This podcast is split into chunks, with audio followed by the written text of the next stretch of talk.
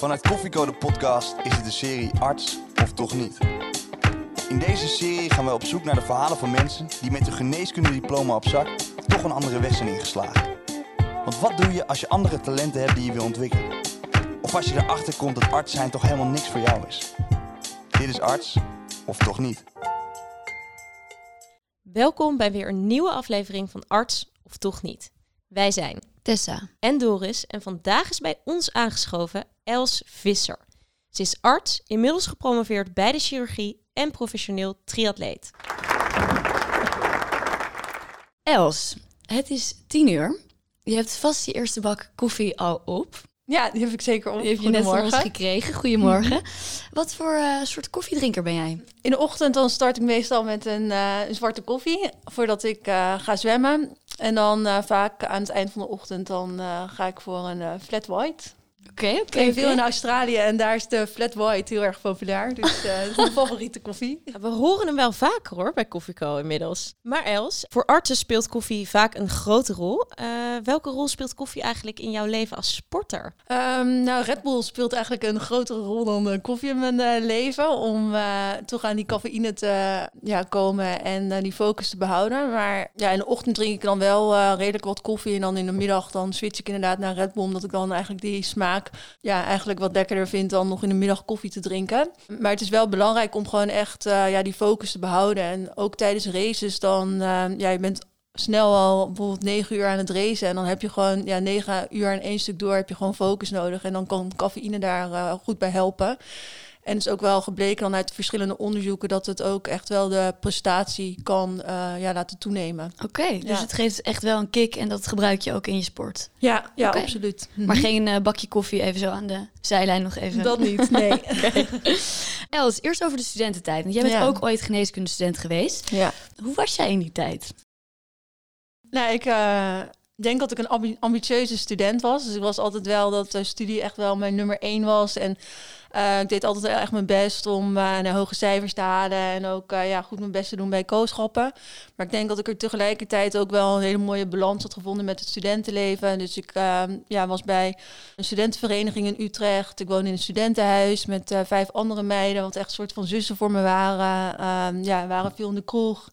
Eh, deden veel gezellige dingen. Dus ehm, ja, dat was wel echt ook wat ik ook heel erg belangrijk vond.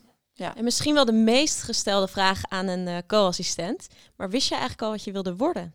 Mm, Je bedoelt daar meer arts of wat voor een arts? Wat voor een arts? Wat voor een arts? Nou ja, of Ehm, misschien, misschien wilde je wel geen arts worden, maar hoe stond jij erin als co-assistent? Ik vond eigenlijk de snijdende vakken vond ik al snel heel erg leuk. Boven de beschouwende. Dus heel erg leuk om toch iets van actief bezig te zijn eh, binnen het beroep. En eh, of op de poli wat kleine werkzaamheden te doen. Of ja, inderdaad echt gewoon de snijdende vakken.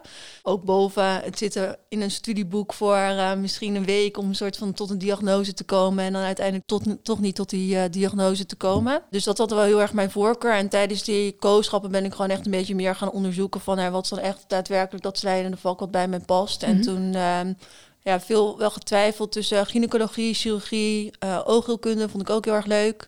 Eh, maar uiteindelijk uh, ja, mijn laatste kooschappen binnen de chirurgie gedaan. En uh, ja, dat vond ik eigenlijk uiteindelijk dat ik dacht, van, nou, hier wil ik gewoon straks echt mee verder gaan. Wat trok je dan zo erg aan die, aan die chirurgie? Was dat de actie of? Ja, ik vond de actie dus heel erg leuk. En um, dus echt gewoon ja, dat actieve bezig zijn. Je ziet een patiënt. Het dan snel schakelen van oké, okay, wat moet je nu vragen om tot de diagnose te komen. Dan beeldvorming doen. En dan kan je bij de chirurgie, vind ik, wat dan het leuke is, dat je ook al vrij snel ziet van dat je ook vrij snel tot een diagnose kan komen. En dan echt een plan kan maken hoe je die patiënt gaat helpen. En uiteindelijk heb je toch ook best wel grote verantwoordelijkheid binnen het vak. Als arts heb je natuurlijk sowieso een hele grote verantwoordelijkheid. Maar het is toch best wel nog een denk ik voor een patiënt een wat extra heftiger dat je bijvoorbeeld een operatie moet krijgen. Dan moet je toch echt ja, chirurgie ondergaan. Wat ze ja, nog spannender vinden. En ik uh, ja, vind dat wel een hele mooie ja, verantwoordelijkheid die je dan ook als arts kan dragen uh, voor zo'n patiënt. Ik zie toch nog wel een klein glinstertje in je ogen als je ja. het erover hebt. Ja, ik vind ook echt uh, dat is ook af en toe gewoon die strijd waar ik nu in zit. Weet je, en wat ik nu aan het doen ben met triathlon dan. Als ik daarover praat, dan heb ik ook gewoon vaak glinstering in mijn ogen en word ik helemaal blij. Maar ook als ik gewoon over die medische wereld praat, dan zit daar gewoon nog passie, weet je. En ik vind het gewoon zo mooi. En ook als ik hier nu zit, weet je. En als ik alleen al nadenk over die witte jas in het ziekenhuis en het hele cultuurtje daar, dan denk ik van, ah, Dat mis ik nu toch wel. Ja. Jeetje, nou, we gaan het hier zo uitgebreid over hebben. Jouw passie voor de chirurgie en voor het doktersvak. Maar uh, inmiddels heb je ook een passie voor de triathlons erbij. Was je eigenlijk in je studententijd ook al bezig met sporten? En, ehm, Nee, eigenlijk helemaal niet. Dus af en toe dan vond ik mezelf vond, oh, Els even weer actiever worden. En, uh, dan kom ik thuis en dan hoorde ik weer van mijn broer dat ik dikke billen had gekregen. En ik dacht van, hmm, weet je, die studentenkilo's die kwamen er wel aan. En uh, dan dacht ik, oké, okay, Els, nu even de deur uit, even actief zijn en even iets doen aan uh, gewoon je conditie. En dan ging ik een rondje single hier in Utrecht rennen van vijf kilometer. En uh, dan was het bij het eerste bruggetje even uitpuffen, weet je. Dan kan je ja, weer door. Ik, ik, ken het hoor. en dan uh, nou, had ik al meer conditie en dan kon ik uh, misschien twee rondjes lopen, 10 kilometer. En dan was het altijd heel cool dat je daar zo'n ehm, terras was, de HP heette dat. En als er dan vriendinnen van mij op het terras stonden, dan was ik altijd heel trots als ik daar voor de tweede keer langs kwam. um, maar dat was dan echt ja, misschien twee, drie keer in de week uh, maximaal. En verder ja, speelde sport niet echt een rol in uh, mijn studentenleven, nee. Nou, 10 kilometer is ook geen 42 kilometer rennen. Nee. Zoveel kilometer zwemmen en dan nog eens ook nog eens de fiets op. Dat is ja. wel een groot verschil. Um, Els, je hebt toen je in je kooschap zat, heb jij een schipbreuk geleden. En dat is een groot onderdeel geworden van de keuzes die jij hebt gemaakt. Zou je eens kunnen vertellen hoe, wat voor rol dat in jouw leven heeft gespeeld? Ja, ik heb inderdaad toen in Indonesië eh, in 2014 heb ik schipbreuk geleden. En op dat moment heb ik um, ja, iets meegemaakt dat ik echt gewoon dat ik erachter kwam van het leven kan eindig zijn. En ik zit hier nu in een situatie waarin ik niet weet of ik hier überhaupt nog uit ga komen. En nou gelukkig is het allemaal goed afgelopen, ben ik gered en uh, mocht mijn leven doorgaan. En ik voelde daarna zo enorm die grote dankbaarheid van het leven. Dat ik dacht van wauw, ik ben er nog en ik mag alles gewoon nog meemaken wat ik nu doe. En um, ik wil gewoon alle kansen grijpen en van elk moment genieten Um, omdat ik er nog ben. Dus ik denk dat ik en het leven ook heel erg ben gaan waarderen, de kleine dingetjes en het uiterste uit gewoon iedere dag wil halen.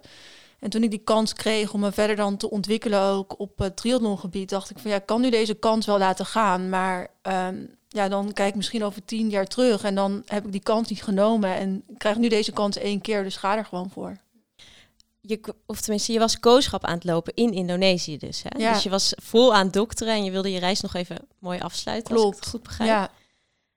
Wat voor invloed... Ja, je bent dokter en opeens ben je in een enorme noodsituatie. Ik vind dat toch mhm. interessant om toch even te vragen van wat, wat gaat er door je hoofd als koolassistent als je daar mhm. in het water ligt? Ja, ik denk inderdaad ook dat ik misschien vergeleken met die andere toeristen die op die boot zaten, op ook een heel andere manier weer geanalyseerd heb. Juist inderdaad misschien met mijn medische achtergrond van, oké, ik ben hier nu in een koude zee, ik raak onderkoeld, um, ik heb hier geen uh, toegang tot eten of drinken, dus ik ga straks uitgedroogd raken. De zon die schijnt op mijn gezicht, ga ik helemaal verbranden. Dus dat ik helemaal inderdaad op die manier soort van dat ongeluk op dat moment die situatie ben gaan analyseren. En wat ik gewoon het meest heftige vond was op het moment dat wij zonken om 11 uur s avonds in het pikdonker en de hele nacht nog uh, ja, zouden nog tegemoet moeten gaan, was dat er gewoon we hadden geen bereik en we konden geen redding. Uh, niemand, we konden niemand alarmeren. Dus ik dacht meteen, en die dagen daarvoor hadden we ook geen andere boten gezien op het water.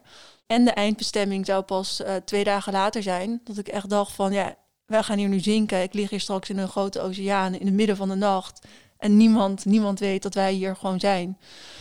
Um, dus ik had nog meteen echt van, ja, gewoon, ik zag gewoon meteen in dat die situatie gewoon zo ernstig was. En zag ik eigenlijk ook gewoon geen uitweg op dat moment. Hoe zorg je dan dat je niet in paniek raakt? Er gebeurde gewoon iets met mij waardoor ik in een soort van overleefmodus kwam. Um, en voor emoties was gewoon geen plaats. Dus ik hoefde niet te huilen, ik was niet boos. Ik was in een soort van trance. En daar zat ik in tot het moment dat ik gered werd. En tot het moment dus dat er redding kwam dat ik me toen helemaal weer vrij kon laten. En ik denk ook uiteindelijk dat die medische achtergrond me daar wel bij geholpen heeft. Want wij worden zo getraind als co-assistenten, als een patiënt zien, dan echt gewoon te kijken, oké, wat is met die patiënt in de hand? Uh, wat moeten we vragen? Wat voor onderzoeken moeten we doen? Hoe moeten we deze patiënt behandelen? En voor emoties is dan eigenlijk weinig ruimte. En ik denk dat ik op die manier ook heel erg, ja, toch wel in dat ongeluk zat. Je beschrijft een trans. Ja. Herken je die trans als jij de triathlon uh, loopt? Ja. ja, eigenlijk heel erg. Dus ik zit echt gewoon heel erg in mijn focus en in mijn zone. En ik zie, als ik ook in de mooiste plekken ter wereld aan het racen ben, dan zie ik eigenlijk niet eens van ja, door wat voor een landschap ik aan het rijden ben. Ik ben gewoon echt zo gefocust op kilometer voor kilometer. En dat is dan op dat moment het enige waar ik aan denk. Van kijk, over 30 minuten moet ik weer mijn calorieën nemen, moet ik weer eten. Nu moet ik mijn water nemen. Ehm, nu dit, nu dat. En voor de andere ja, dingen heb ik dan überhaupt ook helemaal geen oog. Het is echt puur ja, wat op dat moment voor mij belangrijk is. Ja, in die trance dat ik dan zit.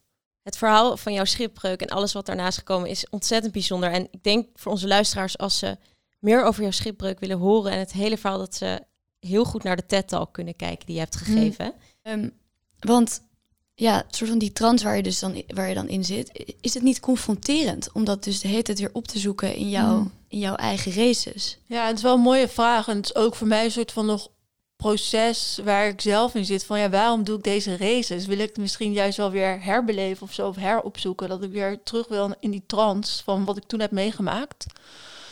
Ehm, maar ik denk ook dat het me misschien juist nu ook heel erg helpt en zo goed maakt juist in die triathlon. Dat ik juist in die trance kan zitten en zo gefocust ben op wat ik dan doe. Ehm, en daardoor heel erg, ja, misschien wel gericht met mijn race bezig ben.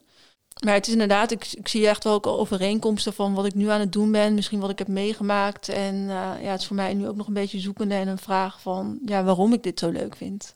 Dus die kan je nog niet beantwoorden? Nee, denk het niet. Nee, nee. Ja, het is wel heel eerlijk van om erachter te komen, ja. En het proces van om triatleet te worden, want dat is van je kwam terug uit Indonesië en mhm. eigenlijk was jouw plan was nog steeds voor de chirurgie gaan. Ja, ja. Kun je eens uitleggen hoe dat, hoe dat is veranderd? Ja, dat is wel grappig, want ik zat uh, in de overdracht bij de chirurgie. En um, toen zat ik daarnaast een collega. En ik had net een eerste sprinttriathlon in Amsterdam gedaan. Dat was heel goed gegaan en ik vond het onwijs leuk. Maar, hoe, dus maar hoe kwam je daarbij? Want je gaat toch niet opeens een triathlon doen? Nee, ik had vriendinnen van mij van de middelbare school uit Groningen. Die gingen een triathlon doen in Amsterdam. En die zeiden van, uh, ja, Els, uh, doe je niet mee? En toen dacht ik van, nou ja, weet je, waarom, waarom ook niet? Laat ik gewoon meedoen. Dus toen heb ik eigenlijk gewoon heel impulsief de week van tevoren ingeschreven. En het was een, een sprint triathlon, dus al redelijk te overzien. Uh, met afstanden die we, ja, de meeste van ons denk ik wel kunnen. Um, en ik liep dus al wel een beetje tijdens mijn studententijd. Uh, ik heb vroeger uh, nog wel wat gezwommen. En rondom die tijd werd het fietsen ook wel wat populairder rondom de ja, onderzoekers. En ik denk überhaupt uh, ja, de Nederlanders dat ik veel collega's had die ook ja, vaak op de fiets te winnen waren. Dus daar zat dat zat een soort van ook al in mijn achterhoofd. En ja, toen heb ik me eigenlijk voor die eerste triathlon ingeschreven. En toen ik dus die dag daarna enthousiast terugkwam uh, op mijn werk in de overdracht zat, toen zat een collega naast mij en die zei van, ja Els, heb je wel eens over Ironman-wedstrijden gehoord? En nou, ik had er nog, nog, nooit over gehoord. En hij mij een beetje uitleggen wat het dan is. En nou, dus 3,8 zwemmen, 180 fietsen, marathon lopen. En mijn eerste reactie was echt van, ja, wow, weet je, wat voor mensen doen dit? Het is echt veel te bizar. En ja, waarom? Zei Els, kijk maar gewoon even een videootje straks. Uh, en om te kijken wat het precies is. En toen keek ik dat en toen dacht ik nog steeds van, nee, dit is echt bizar, weet je. Hoe deze mensen dat kunnen, dat is echt gewoon een soort van onmogelijk. Alleen tegelijkertijd zag ik ook gewoon echt al die effort die, die atleten in zo'n race aan het stoppen was. En die emoties erbij kwamen kijken. En het moment dan van finishen. Dat ik wel echt dacht van, wow, als ik dit kan. Ehm, en hoe zou dat zeg maar voelen als ik over de finish kom. En ja, hoe, wat voor een voldoening zou dat me geven. Dat toen eigenlijk wel een beetje een soort van zaadje in me is geplant. En ehm, ja, ik er steeds meer over na ben gaan denken. En toen uh, denk ik een, week of een maand later uh, dacht van ja, ik ga me gewoon inschrijven en ik ga er gewoon voor. En wanneer drong het dan tot je door dat je hier echt talent voor had? Nou, ik merkte wel dat ik uh, progressie maakte in die tien maanden tijd dat ik voor die race aan het trainen was. En dat het ook wel wat sneller ging dan misschien de meeste andere triatleten om me heen. En uh, ja, dat ik ook om me heen hoorde van andere triatleten van hm, Els gaat wel heel erg goed en uh, nee, doe je wel goed. En ik had een coach en die was uh, zelf ex-professioneel triatleet geweest. En ook verbonden met de Nederlandse Triathlonbond wel. En hij heeft mij wel echt het geloof gegeven van Els, ik zie gewoon dat je talent hebt en aanleg voor deze sport. En ik geloof erin dat als jij je geheel op deze sport gaat focussen, dat je mooie dingen kan bereiken. Dus ik had echt denk ik wel ook zijn woorden nodig om ja, dat bij mezelf te geloven. Maar jij zegt geheel richten op de sport, maar je, je zat in je aniosbaan. Ja, Ja, gek wat, hè? wat, deed je, wat deed je eigenlijk voor Anielsbaan? Nou, ik deed op dat moment uh, deed ik mijn artsonderzoek bij de chirurgie in het UMC Utrecht. Ik zat daar bij de slokdarmmaag uh, groep. Ja. Oh ja. Dus je was al aan het promoveren. Je was, was aan het promoveren. Met als doel om chirurg. Ja. Oké. Nou goed, en toen ging je tien maanden trainen tegelijkertijd. Ja, want ik dacht van als ik zo'n race wil doen, dan is dit wel een soort van de, het moment dat ik ervoor kan trainen. Als, als artsonderzoeker ben je nog vrij flexibel in hoe je tijd indeelt. Je hebt nog geen nachtdiensten, nog geen weekenddiensten. Dus ik dacht van als ik dit wil doen, dan is dit het moment. En ja, toen ben ik dat eigenlijk gewoon naast mijn promotieonderzoek gaan doen. En voor vriendinnen was het ook echt een beetje. Die zagen mij ook veranderen van het meisje die altijd s'avonds gezellig met hun ging uh, eten en s'avonds mee uh, de kroegen inging. Die ging nu opeens om zaterdagochtend de wekker zetten om te trainen. Maar ik was echt gewoon heel erg ja, met dat doel bezig van uh, die race racen. Wat dreef jou dan zo erg? Ik vond het gewoon onwijs leuk. Gewoon dat toch wel dat fysiek bezig zijn met je lichaam en het buiten zijn en ook de hele community van die triatleten en misschien ook toch echt wel dat toetreden naar een doel. Ik had gewoon echt iets voor ogen. Ik dacht van, ik ga dit gewoon doen en ik wil dat gewoon zo goed mogelijk doen. Je wilde die Ironman echt finishen? Ja, die wilde ik gewoon echt finishen. Dat gevoel wilde ja. jij? En toen, hoe is het? Na tien maanden ben je de race, jouw eerste Ironman, ben je gaan, ja, ik wil zeggen gaan lopen, maar het is lopen, zwemmen en fietsen. ja, ja. Dus afgereisd naar Zwitserland met uh, familie en uh, wat vriendinnen. En uh, ja, die race ingegaan.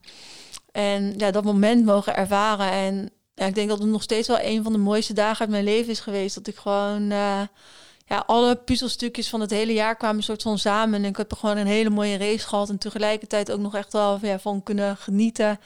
Um, en gewoon, ja, ook inderdaad dat moment van finishen, dat het gewoon zo bijzonder was van wauw, ik heb dit gewoon gedaan. Weet je, en wat tien maanden geleden nog een soort van onmogelijk voor mij was, heb ik nu een soort van mogelijk gemaakt. Dit gevoel wat je nu beschrijft, heb je dat ook wel eens gehad in jouw in jouw carrière als dokter of als co-assistent? Dat gevoel, dat, die nou, euforie. Ik had wel echt dan, kan ik me nog wel herinneren, dat ik dan uh, bijvoorbeeld uh, mijn chirurgie-kooschap had in mijn vijfde jaar. En dat ik dan op de spoedeisende hulp zat en echt zo'n patiënt had gezien en uh, nou, helemaal had onderzocht, ook verslaglegging gedaan. En dat ik dan echt wel trots naar zijn artsassistent toe ging van, nou kijk, ik heb dit nu gedaan en ik denk, en denk dat dit aan de hand is en dat we dit moeten doen. En uh, dat ik gewoon het idee had, gewoon al een beetje mijn laatste kooschappen wat meer die uh, ja, controle had over een patiënt en dat echt zelf kon. Dat vond ik dan echt wel ja, heel, heel gaaf. En ook tijdens mijn semi-artstage dan uh, op de chirurgische oncologie in het UMC Utrecht. Uh, dat je gewoon die hele afdeling daar gewoon aan het runnen bent. En dat geeft ook, vind ik wel, gewoon echt een kick, weet je. Je doet dat gewoon, ja. Inmiddels ben je ook gepromoveerd. En ik zag op je website zag ik een foto dat je daar staat en dat je je ja, promotie hebt afgerond. Ja. daar doe je ook zo'n drie à vier jaar over. Ja. ja. Is dat eenzelfde euforisch gevoel als een finishlijn? Nee, dat nee? onderzoeken, dat was... Uh, ja, ik heb dat gedaan en uiteindelijk ben ik heel blij dat ik het heb gedaan. Want het is voor mij echt een soort van pauze ook geweest, misschien in mijn medische carrière, dat ik heel goed heb kunnen nadenken van nou, wat wil ik nu precies doen? Want ik denk dat vaak co-assistenten toch wel snel met een aan een specialisatie beginnen zonder misschien echt stil te staan bij wat ze nou, hoe ze ja, precies verder willen gaan. En een promotieonderzoek geeft heel mooie ruimte ook daarvoor, denk ik, om echt daarover na te denken. Um, maar ik ben geen diehard onderzoeker en ik was niet echt, uh, ja, ik had niet heel veel plezier uit de statistiek en het schrijven van artikelen. Maar ik vond het tegelijkertijd wel een heel mooi, leerzaam, hele leerzame periode. En echt samenwerken ook met die andere artsonderzoekers. En ik vind uiteindelijk toch ook wel dat je als goed arts zijnde op de hoogte moet zijn van ja, het wetenschappelijk onderzoek en daar iets van gevoel voor moet hebben om ook uiteindelijk, uiteindelijk een patiënt goed te kunnen behandelen. Vind je het een vereiste? Ik vind het geen vereiste, maar ik vind wel dat elke arts, uh, ik vind een promotieonderzoek geen vereiste, maar ik vind wel dat elke arts iets van wetenschappelijk onderzoek gedaan moet hebben. Ja. Maar je zegt eigenlijk dat het wel best een strijd was. Hè? Het was niet altijd even leuk. Het heeft je moeite gekost om het af te krijgen. Ja. Had je het dan weer gedaan? Ik was eraan begonnen en ik was ook al zo ver dat ik dacht, van, het is gewoon echt zonde om er niet meer af te maken. En dat, zo ben ik dan ook. Als ik gewoon ergens iets aan begin en dan een soort van mijn pijlen daarop gericht heb, dan wil ik dat ook gewoon afmaken.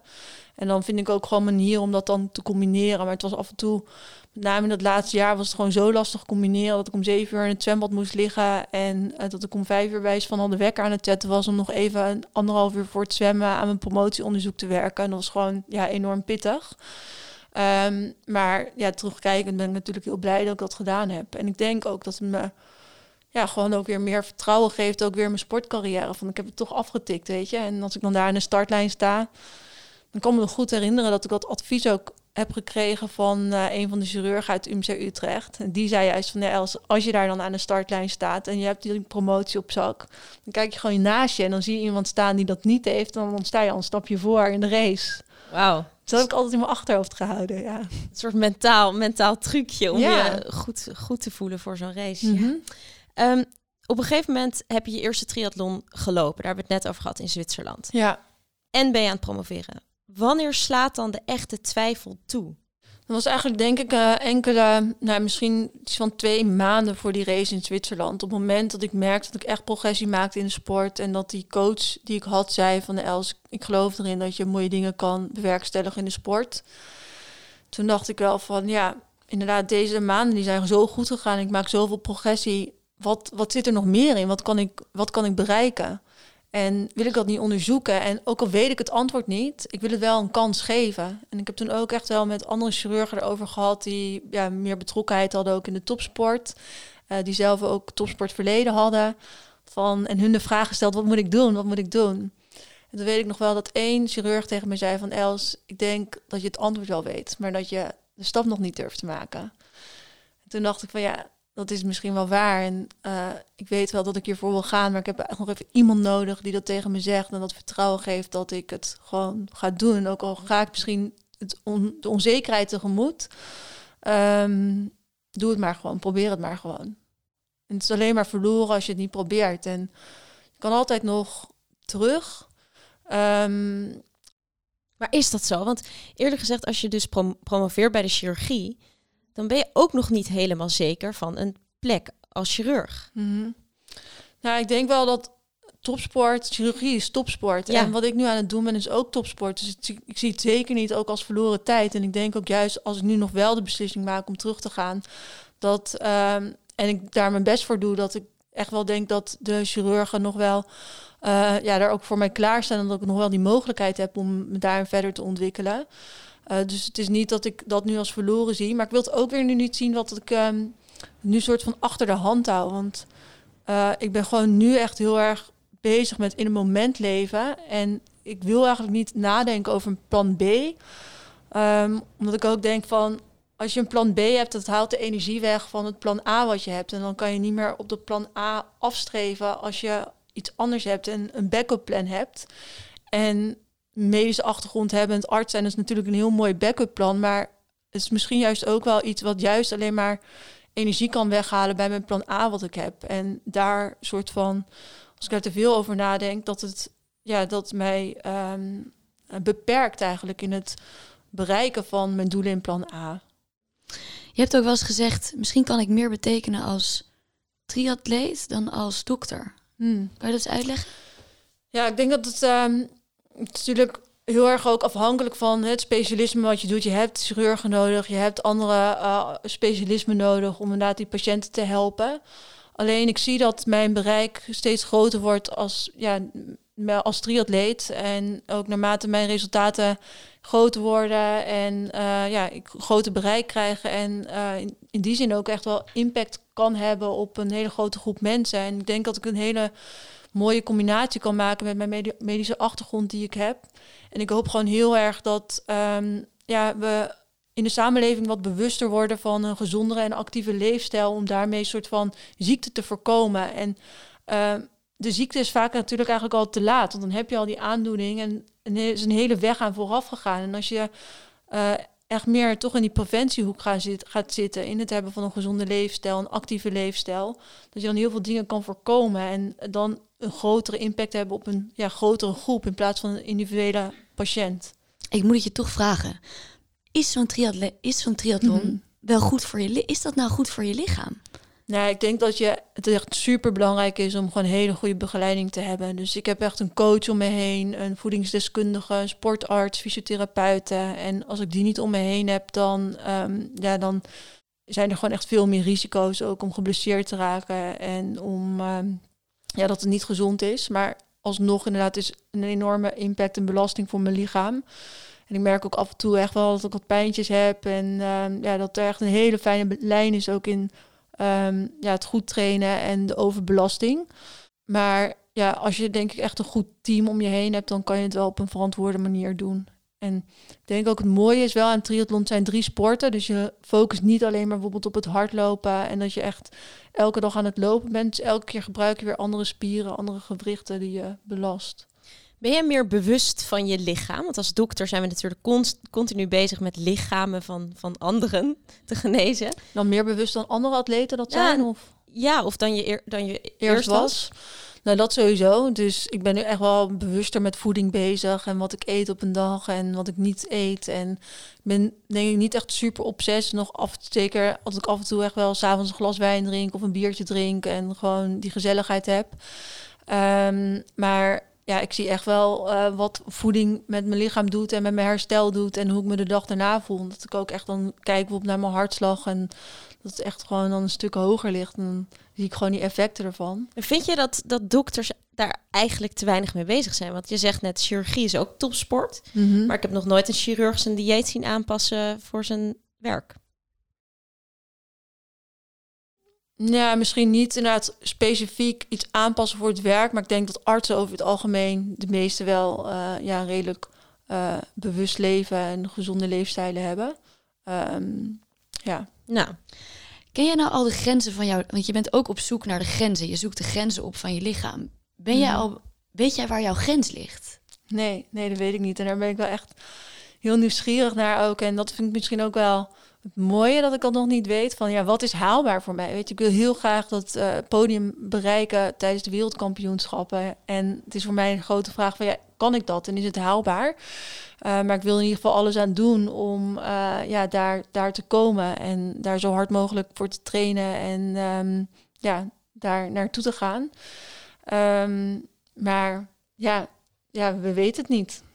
Ja, ik wil toch nog even naar de vergelijking van jouw baan als wetenschapper of als arts. Mhm. Wat je was geworden, wat je misschien nog gaat worden, dat weten we allemaal nog niet. En uh, jouw baan als triatleet. Het, is, het lijkt me een wereld van verschil. Bij de een lig je om zeven uur ochtends in het zwembad en bij de een sta je om zeven uur ochtends misschien op OK. In welke omgeving ben jij nou het meeste els? Het is een wereld van verschil, maar tegelijkertijd zie ik ook weer, weer echt heel veel overeenkomsten. Want ik denk wel dat je gewoon met beide beroepen heel erg dedicated moet zijn in wat je aan het doen bent. En daar ook volledig voor moet gaan om te kunnen, goed te kunnen functioneren en het goed te kunnen doen. Maar wat ik gewoon echt zo lekker vind aan het zijn van een triatleet nu, is dat ik nou, gewoon als ik nu alleen al denk van, oh, ik mag straks het zwembad in. Weet je, denk ik, oh, lekker baantjes trekken. En ook al moet, het dan, moet ik dan zes kilometer zwemmen, dan heb ik gewoon echt zin om die training te gaan doen. En dan weer het uiterste uit mijn lichaam te halen en die voldoening te hebben daarna ik denk dat ik dan toch wel meer voldoening daar op dit moment uithaal van het aftikken van zo'n training en van mijn grenzen verleggen in een training. Iets wat eerst onhaalbaar was qua tijden, dat, nu opeens, dat ik dat nu opeens wel kan.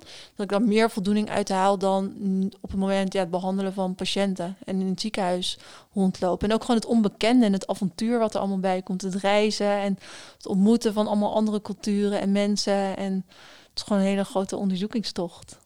En zijn er dingen uit het ziekenhuis die je wel mist? Want aan het helemaal begin van het gesprek zei je van, ja, die witte jas. Ja, ik mis gewoon echt wel uh, mijn collega's eigenlijk. Gewoon de gezelligheid. Het topsportleven is vrij eenzaam. En ik zit eigenlijk de hele... Ik kan in Australië aan het trainen ben, dan uh, als je Australië hoort, dan denk je, wauw, wat fantastisch. Maar ondertussen ben ik gewoon echt de hele dag eigenlijk tussen mijn trainingen door. Lig ik in mijn slaapkamer en lig ik gewoon te herstellen. En heb ik eigenlijk gewoon überhaupt ook geen energie om lekker uit eten te gaan of ergens koffietje te doen. En ja, er zijn ook echt wel perioden van eenzaamheid.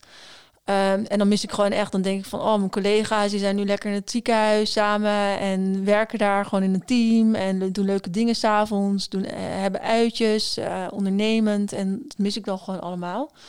Ehm, dus ja, dat vind ik dan, op die manier mis ik dan het ziekenhuis wel. En ook wel gewoon de patiënten. Ik had vorig jaar nog, uh, sorry, maar dat ik ehm, met een teamgenootje aan het fietsen was en zij viel van de fiets af, waardoor we naar de spoedeisende hulp moesten.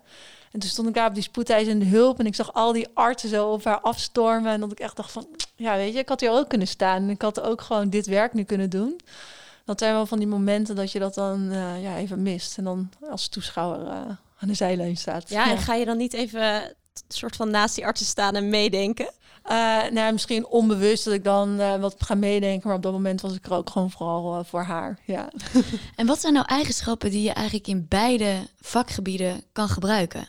Um, nou, ik denk dat je zowel als arts zijnde als als atleet zijnde echt een hele goede focus moet hebben. Dus je moet echt heel erg gefocust zijn op datgene wat je aan het doen bent om uiteindelijk ja, tot een mooi resultaat te kunnen komen. Dus dat heel erg ja, echt overeenkomsten zijn. En dat je ook wel ergens met je ja, soort van volle energie in moet gaan om, om iets te kunnen bereiken. Je kan iets niet half doen. En ja, daar echt gewoon volledig voor gaan. Daar ben jij heel erg van, hè? Van dingen niet half doen. Je wil ze echt in één keer afmaken. Ja, ja, ik heb wel vaak inderdaad als ik gewoon aan iets begin. Ook al uh, vind ik sommige dingen niet even leuk om te doen, dan vind ik wel gewoon dat ik het moet afmaken en dat ik het moet proberen. En ook uh, ja, als ik eh, als anderen iets van mij verwachten, dan vind ik ook dat ik dat moet kunnen waarmaken. Ik zie echt inderdaad de sprankel in je ogen over beide onderwerpen. Waren er als bijvoorbeeld als co-assistent of als jonge dokter, waren er ook dingen die je echt niet leuk vond aan dokter zijn? Ik was er dan toch niet zo groot fan van om uh, echt in die biep te gaan zitten, weet je, voor het tentamens te gaan studeren. Ik vond kooschappen altijd veel leuker dan echt uh, dat leren voor tentamens en dan al die boeken. En uh, was, ik was dan toch ook altijd wel meer van echt dan de colleges, um, soort van dat ik die ging leren in plaats van dat ik echt die boeken inging. Dus ik ben niet echt een lezer.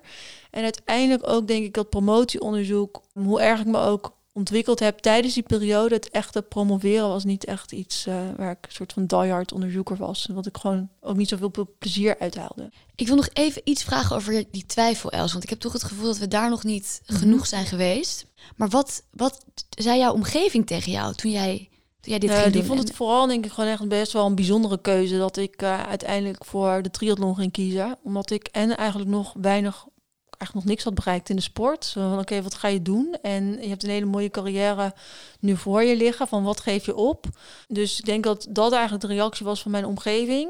Maar ik had zelf heel erg van, ik heb in die zin gewoon nog tijd. Ik ben jong, ik heb me, uh, ben bezig met promotieonderzoek. Het is niet dat ik het niet ga afmaken. Dus ik geef mezelf nu die ruimte om het te proberen. En dan wil ik het ook mezelf daarvoor in ieder geval twee jaar de kans geven. Kijken hoe ik mezelf ontwikkel. En dan gedurende die twee jaar wil ik ook echt alles gewoon eruit halen. Dus ik wil nu uh, een zo goed mogelijke coach hebben en een zo goed mogelijke trainingsomgeving trainen. Daar volledig voor gaan, zodat ik ook echt weet van, um, ja, in ieder geval daar helemaal voor wil gaan. En um, daar zal het niet aan liggen, zeg precies. maar. Precies. Ja, dus je wilt het weer 100% doen. Ja, ja, en ik denk ook van, ik, heb op, op dat moment die keuze gemaakt. Dus dan ja, vind ik ook dat ik daar dan volledig voor moet gaan om te kijken van wat erin zit. En als ik het dan half doe, dan kom je daar ook niet achter. En dan geef je misschien iets op of dan pauzeer je iets anders, mijn medische beroep in dat geval. Om uh, pauzeer ik het, terwijl ik dat eigenlijk wat ik nu ga doen, maar half ga doen. Was er iemand die het je afraden? Niemand die het me afraden. Nee. En ik denk ook wel dat mensen dan aan mij zien dat ik dan helemaal overtuigd ben van mijn eigen idee en me kunnen ook. En dan echt wel dat vertrouwen daarin ook heb dat ze dan ook dan daar wel in mij gaan geloven. Van oké, als doe het maar gewoon. En nu, na, nu ja, drie jaar later zijn, heeft iedereen eigenlijk alleen maar heel veel bewondering voor dat ik deze keuze heb gemaakt en hoe ik mezelf hierin heb ontwikkeld. En hoe zit dat eigenlijk met je registratie als dokter? Ja, dat is nu de grote twijfel in mijn hoofd. Ehm, en uh, ja, van ik over in november volgend jaar, 2021, dan loopt mijn BIG-registratie af. En denk van ja, dan moet ik dus de kliniek in een uren gaan maken om die te behouden. En uh, hoe ga ik dat doen? Want het gaat een enorme tweestrijd worden met ja, het sporten wat ik moet doen. En ik eigenlijk gewoon, kan het gewoon niet combineren. Dus het is nu heel erg de vraag van ja, wat, hoe ga ik dat doen? Maar, Met wie heb je het daarover? Met wie praat je over dit soort dilemma's? Collega's, maar ik heb ook afgelopen uh, week heb ik een heel leuk gesprek gehad met een chirurg uit het uh, eh, UMCG in Groningen. En uh, die is ja, eigenlijk ook nog van zijn pad geweken nadat hij hoogleraar is geworden en nu gaan ondernemen. En hij zei ook tegen mij van Els, je zal altijd arts blijven. En misschien niet meer praktiserend arts, maar je hebt die hele studie doorlopen en je kan echt onwijs veel al die kennis in je zak steken. je hebt, het is echt geen verloren studie geweest. Je blijft gewoon ja, arts. Um, en er zijn nog altijd gewoon onwijs veel mogelijkheden ook die je aan kan gaan. Ja, ik denk op dit moment ook dat ik nu als soort van toch al stiekem die keuze heb gemaakt. Dat ik uh, ja, die registratie denk ik niet ga verlengen. maar het nog niet durf echt helemaal uit te spreken. Is dit gedaan? Is dit eerste, ja, dit is de eerste keer dat je het uitspreekt. Ja, eigenlijk wel, ja. Zo'n uniek moment. We hebben een primeurtje door. Je bent wel hard aan het lachen, Els. Hoe voelt dit? Nou, weet je, het is nu een beetje, ik heb het misschien uitgesproken, maar ik heb nog een uh, aantal maanden als backup tot november om het te heroverwegen. Um, maar ja, ik denk dus dat ik stiekem al wel die keuze heb gemaakt. Ik vind het sporten gewoon onwijs leuk. Er zijn zoveel mogelijk. Of ja, ik denk gewoon dat ik mezelf nog echt hier kan ontwikkelen. En dat er nog een hele mooie sportcarrière voor me ligt. En ik wil het gewoon allemaal nog meemaken. En ik heb mijn doel nog niet bereikt in de sport. En daar wil ik gewoon uh, ja, op afgaan nog. En wat ik ook wel zie, is dat er zoveel andere mogelijkheden op mijn pad komen naast het arts zijn. Dus toch wel misschien die preventie in, uh, waar je geen praktiserend arts voor hoeft te zijn. Uh, misschien vind ik het wel leuk om ja, misschien meer bestuurlijke functies te gaan doen of in het ziekenhuis ook. Um, ja. Denk je dat je ermee zou kunnen leven? Nooit meer een doktersjas aan? nou, ik heb hem nu al vier, vijf jaar niet aangehad. Het is tot nu toe nog goed gegaan. Dus uh, ja, okay. dat moet vast goed komen. Ja. ja je weet dat topsportcarrière, en vooral op zo'n hoog niveau, is meestal een korte carrière. Je kan dat niet tot in de eeuwigheid blijven doen. Is dat iets waar jij over nadenkt op het moment dat je voor zo'n keuze staat waar je voor gaat kiezen? Het leuke vind ik aan triathlon is dat echt, en met name die lange afstanden die ik doe, dat het echt gewoon het gaat om uh, ja, endurance. Je moet gewoon echt die kilometers maken om daar uiteindelijk goed in te worden. Um, dus de piekleeftijd bij ons ligt echt rond de 35, eind 30. Dus in die zin, ik ben nu uh, 30, heb ik nog uh, ja, in ieder oh. geval wel 10 jaren voor me. Um, ik denk uh, ja, voor mij dat ook uiteindelijk misschien wel een vraag gaat worden van wil ik misschien toch een gezin hebben, meer stabiel leven of ja, dat ik ja, toch echt op die sport gefocust blijf. Um, dus ik heb in die zin nog tien jaar in ieder geval om echt helemaal op die sport te focussen en daar het uiterste uit te halen. En dan ga ik daarna ook kijken wat voor andere mogelijkheden weer ja, op mijn pad komen. Ja, dat is ook wel nieuw voor, voor, voor mij. Ik, ik dacht ook wel dat je, maar je kan het dus best nog wel lang blijven ja. doen. Ja. Dus je, je hebt het nu eigenlijk, waar het misschien begon als ik ga er twee jaar van mijn leven in stoppen, is het nu wel iets waar, waarmee ook jouw toekomst ja, eventueel mee Ja, dus je ziet echt dat uh, als je kijkt naar het wereldkampioenschap vorig jaar, dat uh, top 10 meiden, de gemiddelde leeftijd was 35 jaar. Dus het is een, echt een sport waarin je op latere leeftijd piekt. En uiteindelijk, ja, je hebt gewoon die hardheid in je lichaam nodig, die kilometers om uiteindelijk goed in te worden. En juist omdat ik op een late leeftijd ben begonnen, zal bij mij die piek nog later liggen. En zal ik echt de komende jaren alleen maar ja, is de verwachting dat ik door blijf ontwikkelen om uiteindelijk uh, ja, naar die piek toe te gaan. Maar in die zin ligt er inderdaad nog heel veel uh, jaren voor mij uh, in de sport in het verschiet. Wanneer heb jij het bereikt? Wanneer is het voor jou goed? Nou, bij ons is gewoon het soort van de Olympische Spelen zijn de wereldkampioenschappen op Hawaii in Kona. En wordt elk jaar wordt dat in oktober wordt het gehouden. En ik heb vorig jaar de kans gekregen om daar mijn debuut te maken. Dus 40 beste vrouwen in de sport die mogen daar starten. En ja, dat lijkt mij gewoon zo vet als ik daar op het podium kan eindigen. En ja, dat is nu een soort voor mij het ultieme goal. Ga je dit winnen, Els? Nou, winnen wil ik niet zeggen. Podium gaat me lukken. Ja? Um, Wauw. Ja? ik vind het zo ongelooflijk dat wij hier aan tafel zitten, eigenlijk heel casual. Uh, ja. Alsof we je al jaren kennen. Met eigenlijk een van de beste sportvrouwen in de triathlonwereld. op dit moment. Je bent zo nuchter, maar tegelijkertijd zo zelfverzekerd. Ben je altijd al zo zelfverzekerd geweest? Um, ik denk wel dat het iets is ook wat is er gegroeid met de jaren. En dat ik echt wat ook wel heb geleerd tijdens mijn studententijd. En misschien denk ik ook wel de studentenvereniging waar ik bij heb gezeten. En dat je af en toe in bepaalde commissies zit. En dan echt gewoon uh, ja, dingen voor jezelf moet opkomen. En uh, ja, een duidelijke mening moet hebben. En dat ik, of alleen al het wonen in een studentenhuis, denk ik ook met uh, ja, andere meiden. Dat je ook allemaal bepaalde taken krijgt toegericht om ja, jezelf op die manier, op die manier te ontwikkelen. Uh, dus ik denk wel dat ik uh, ja, me echt door de jaren heen ontwikkeld heb. Maar um, ja, dat zelfgeloof, zelfvertrouwen heeft er altijd denk ik wel in gezeten. Ja. Wat geeft deze sport jou, Els?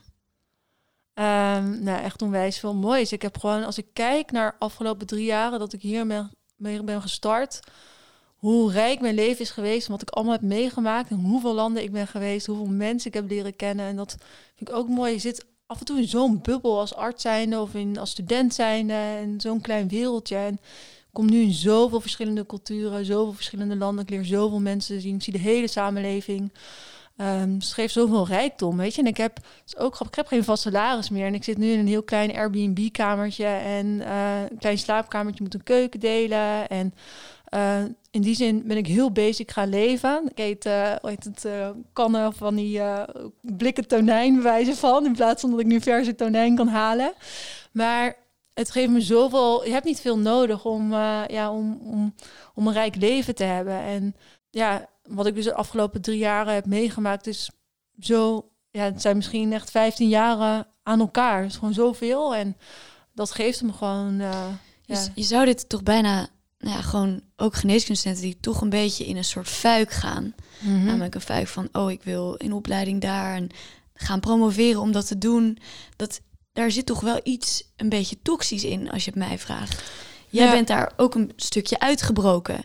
Heb je nog een, een tip voor mensen die eventueel ook even zoiets willen doen? Niet wat jij doet, dat kunnen we helaas niet allemaal. Mhm. Maar heb je nou, ik vind wel jammer, denk ik, dat er wordt heel erg in vaste stramine gedacht tijdens die hele denk überhaupt tijdens heel veel verschillende studies in Nederland en hoe alles gaat. Je gaat naar de basisschool, je gaat door naar de middelbare school, uh, je gaat starten met studeren en je, je, je start een beroep. Ehm, maar er wordt eigenlijk denk ik te weinig stilgestaan bij wat je nou echt, waar je passie ligt en waar je goed in bent. En we vragen het ons eigenlijk niet eens, niet eens af, omdat je al soort van weer in het volgende belandt. Dus je rond je studie geneeskunde af en zonder na te denken, zonder misschien al te veel na te denken, ben je alweer met de specialisatie gestart. Zonder misschien echt af te vragen, is dit nu wat ik wil en waar ik goed in ben en talent voor heb. Ik denk dat ik gewoon toch ja, ook op een hele mooie manier dan wel ben achtergekomen. Misschien ook wat ik heb meegemaakt in Indonesië, dat ik ja, een hele mooie passie heb gevonden en iets waar ik goed in ben en op die manier iets anders ben gaan doen. En uit het soort van dat vaste stramien ben gegaan en dat een kans heb gegeven. Ehm, en ik hoop gewoon heel erg dat misschien studenten die ehm, ja, toch wel een beetje in die struggle zitten. En misschien datgene doen wat van ze verwacht wordt.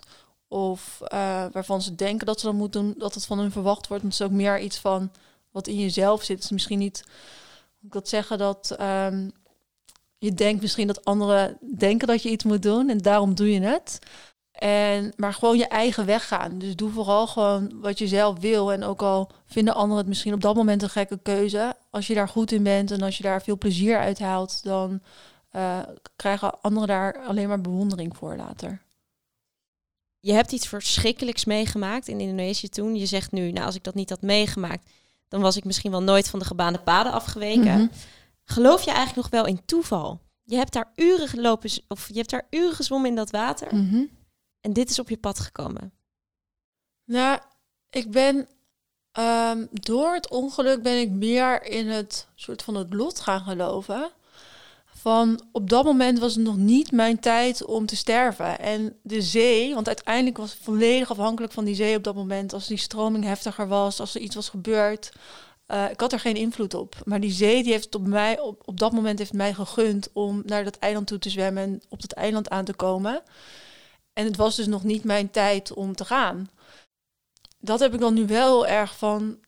Als er dan iets gebeurt, dan denk ik het gebeurt met een reden.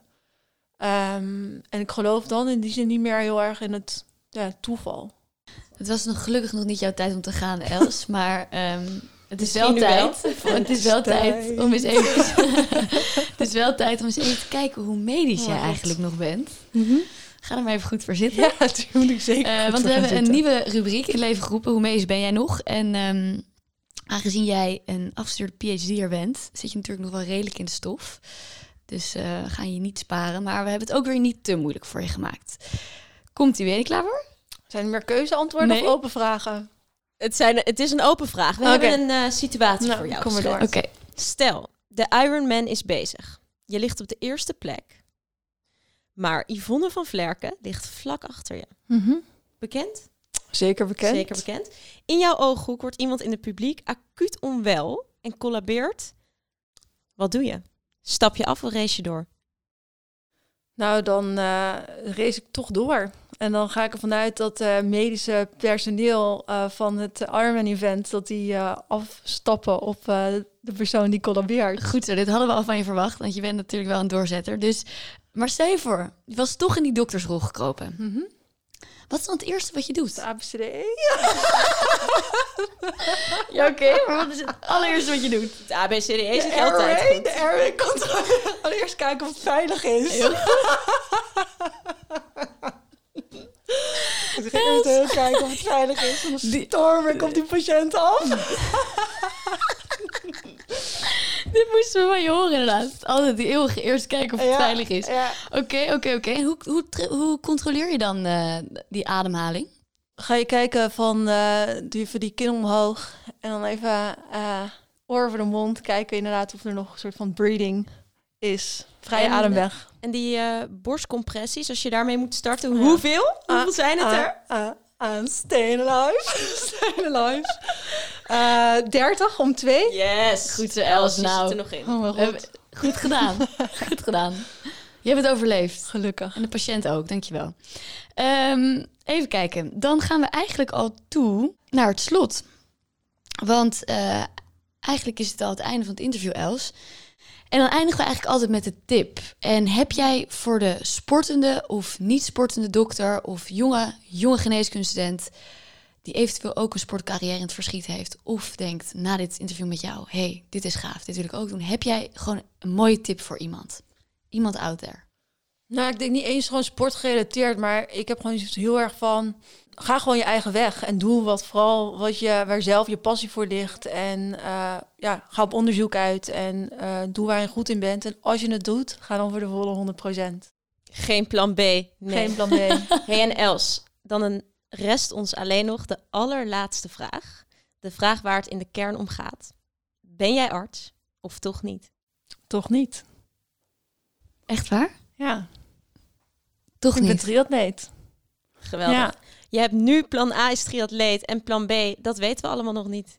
Maar wat we wel weten trouwens, Els, is dat jij ook een boek gaat uitbrengen. Ja. Dat hebben wij gehoord.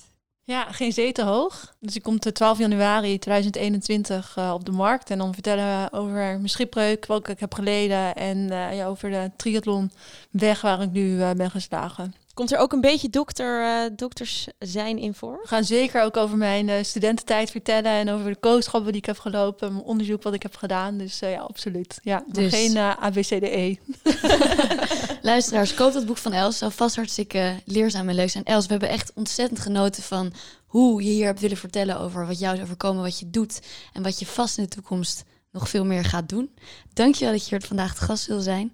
En ja, we zijn heel benieuwd of jij op het podium gaat staan. Ja, dank voor de uitnodiging. Natuurlijk. En luisteraars, jullie ook ontzettend bedankt. Uh, we hopen dat jullie er ook veel van hebben geleerd. Sportende luisteraars onder ons, uh, leuk dat jullie weer hebben geluisterd. En tot de volgende keer bij Koffieko.